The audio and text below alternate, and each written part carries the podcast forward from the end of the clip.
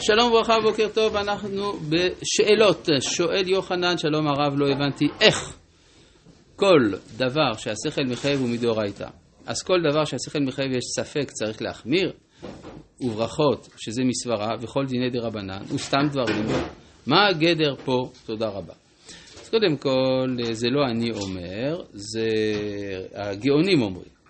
שתיים, אני גם אמרתי שזה נאמר בדיני ממונות לפי חלק מהדעות, וגם אם זה לא נאמר רק בדיני ממונות, הכוונה לגבי עניין בכללו. כלומר, כיבוד אב ואם למשל, אף על פי שהוא לא בתוך שבע מצוות בני נוח, אומר רב ניסים גאון וגם רב נוסד הגאון, הגויים מחויבים בזה, כי השכל מחייב, וזה כמו דאורייתא. האם על זה ייאמר ספק להחמיר? לא, לאו דווקא, כי מה שספק דאורייתא לחומרא זה מחלוקת בין הרשב"א לבין הרמב"ם, האם זה מדרבנן או מדאורייתא. אז יכול להיות שבדברים שהם מכוח הסברה, לא חייבו חכמים שיהיה ספקם לחומרה.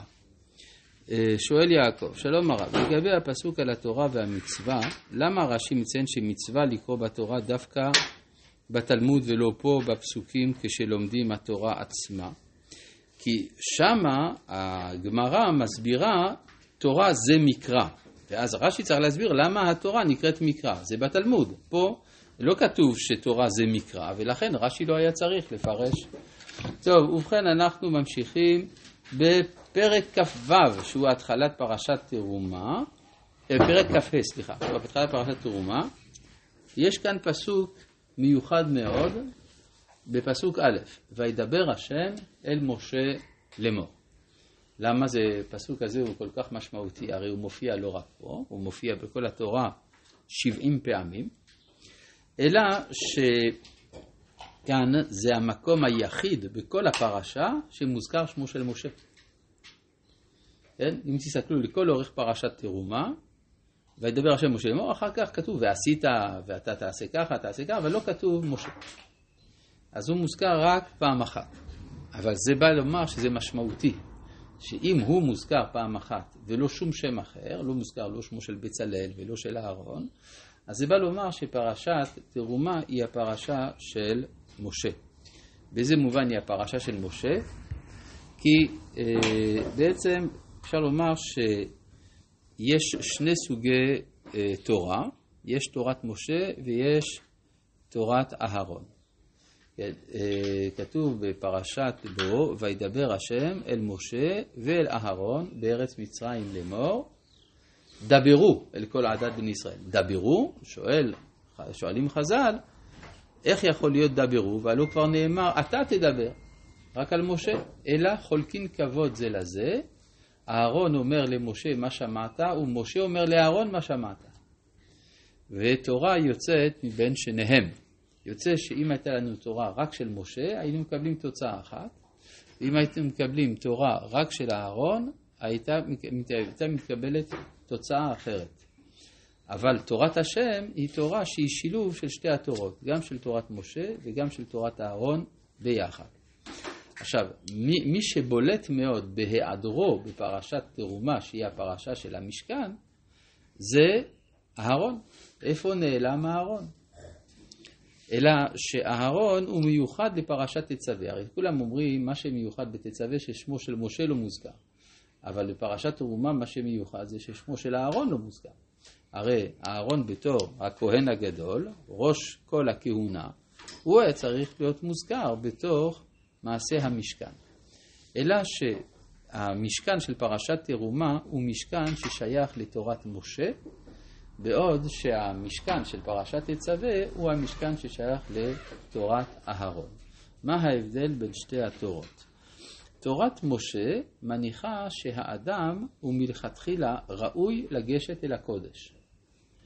ולכן אין שם כהנים במשכנו של אה, משה. לא רק שאין כהנים, אין גם מזבח קטורת. מזבח הקטורת עומד באמצע הדרך של הנכנס אל קודש הקודשים. אדם שרוצה להיכנס לקודש קודשים, אז אמנם מצד שמאלו הוא ימצא מנורה, ומצד ימינו ימצא שולחן, ואז הוא יכול להיכנס ביניהם. אבל באמצע הדרך הוא חייב להקיף, או להקטיר קטורת ולהמשיך. אומרים לו, יש לך משהו לשלם. במקד... במשכנו של משה אין. כמו כן גם מניחים שמלכתחילה האדם הוא טהור, לכן במשכן של פרשת תרומה אין כיור, אין כיור לטהרה, מה שאין כן במשכן של אהרון. דבר נוסף, אה, אנחנו רואים גם שאין צורך בבגדים מיוחדים כדי להיכנס אל הקודש. משה היה נכנס בבגד לבן פשוט, בלי אמרה, כלומר בלי מכפלת. כן, אז זאת אומרת שכאן אנחנו נכנסים לעולם של האדם המוחלט. מה זה האדם המוחלט? האדם שאיננו חוטא. זה האדם הנשלט על ידי השכל. אדם שנשלט על ידי השכל איננו חוטא. כפי שכותב הרמב"ם, שאין אדם חוטא, אין, אין מחשבת החטא נכנסת, אלא בלב המנוער מן החוכמה. אז מתי אדם יכול לחטוא? כשהוא נשלט לא על ידי השכל, אלא על ידי הדמיון. כאשר הדמיון שולט באדם, הוא עשוי לחטוא. כיצד אפשר לתקנו? על ידי דמיון אלטרנטיבי. לא שכל יילחם בדמיון, אלא דמיון יילחם בדמיון. ולכן נעשים בגדי קודש לאהרון לכבוד ולתפארת, שזה דברים הפועלים על הדמיון. ולכן זה ההבדל בין שתי הפרשות. עכשיו, כל הנושא הזה פה של מקדש, הוא לכאורה, אה, אה, הוא צריך בירור. למה צריך מקדש? התשובה היא, ו, אה, ויש מי שטוען שמקדש זה בדיעבד. לא צריך מקדש, זה רק בדיעבד בגלל חולשת האדם וכדומה. אבל יש רק דבר מאוד מיוחד, שכבר בפרשת יתרו, שהיא הפרשה של מתן תורה, אז כבר מוזכר, מזבח, אם מזבח אדמה תעשה לי. כלומר, אי אפשר להתעלם מן העובדה שכבר בשעת מתן תורה מכינים את המקום שבו יונח תונח התורה שניתנת בסיני, היא תינתן בתוך כלי, בתוך נדן, המקבל את התורה כמו חרב בתוך נדנה. ולכן אה, התפיסה המונותאיסטית האמיתית מניחה שאי אפשר שהקודש לא יכלול את כל ממדי החיים, ובכלל זה קדושת המקום. כך שבעצם הרעיון שיהיה מקדש הוא הלכתחילאי ביותר של כל התורה כולה. כל השאלה היא האם המקדש נעשה במקום הנכון או שנעשה לא במקום הנכון. לכאורה היה צריך להיות תביאמו ותתאמו בהר נחלתך, מכון לשבטך פעלת השם. כלומר, רק אחרי שנכנסים לארץ ישראל, רק אז מקדש השם כוננו ידיך. אלא שהגמרא במסכת כתובות אומרת שזה כמו חתן שמרוב תשוקתו לארוסתו הקדים את החתונה. כן? אז גם פה, כבר במדבר, ועשו לי מקדש ושכנתי בתוכם, אבל זה בעצם הקדמת הזמן, ולדבר הזה יש תוצאות. התוצאות יכול שקלקולי המדבר גם נבעו מהדבר הזה. מה זה? סיימנו עם אה, ויהי משה 40 יום ו-40 לילה. נכון.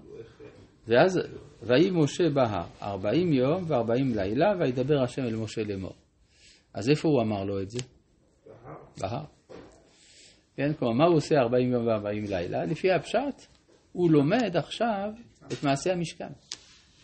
או. ורק כשהוא מסיים בתחילת פרשת כי תישא עם שמן המשחה ועם הקטורת, והוא נותן לו את הלוחות, והוא נותן לו את מצוות השבת, ושמרו בני ישראל את השבת, רק אז משה יורד מן ההר. כן, הוא מקבל את הלוחות ויורד. אז כל זה, לפי הפשט, לכאורה, לפי דעת הרמב"ן לפחות, נאמר בהר. כן, דבר אל בני ישראל ויקחו לי תרומה. הביטוי הזה הוא לכאורה לא מדויק מבחינת העברית, היה צריך להיות וייתנו לי תרומה. כאילו ש... לקחת תרומה, אני לוקח לא מעצמי, אלא ממישהו אחר. מאת כל איש אשר ידבני ליבו. מי הוא איש אשר ידבנו ליבו, שבני ישראל צריכים לקחת ממנו את התרומה. בפרשת ויקל כתוב, קחו מאיתכם תרומה, אבל פה לא כתוב מאיתכם. אז בפשטות, הכוונה שצריך לקחת מאומות העולם.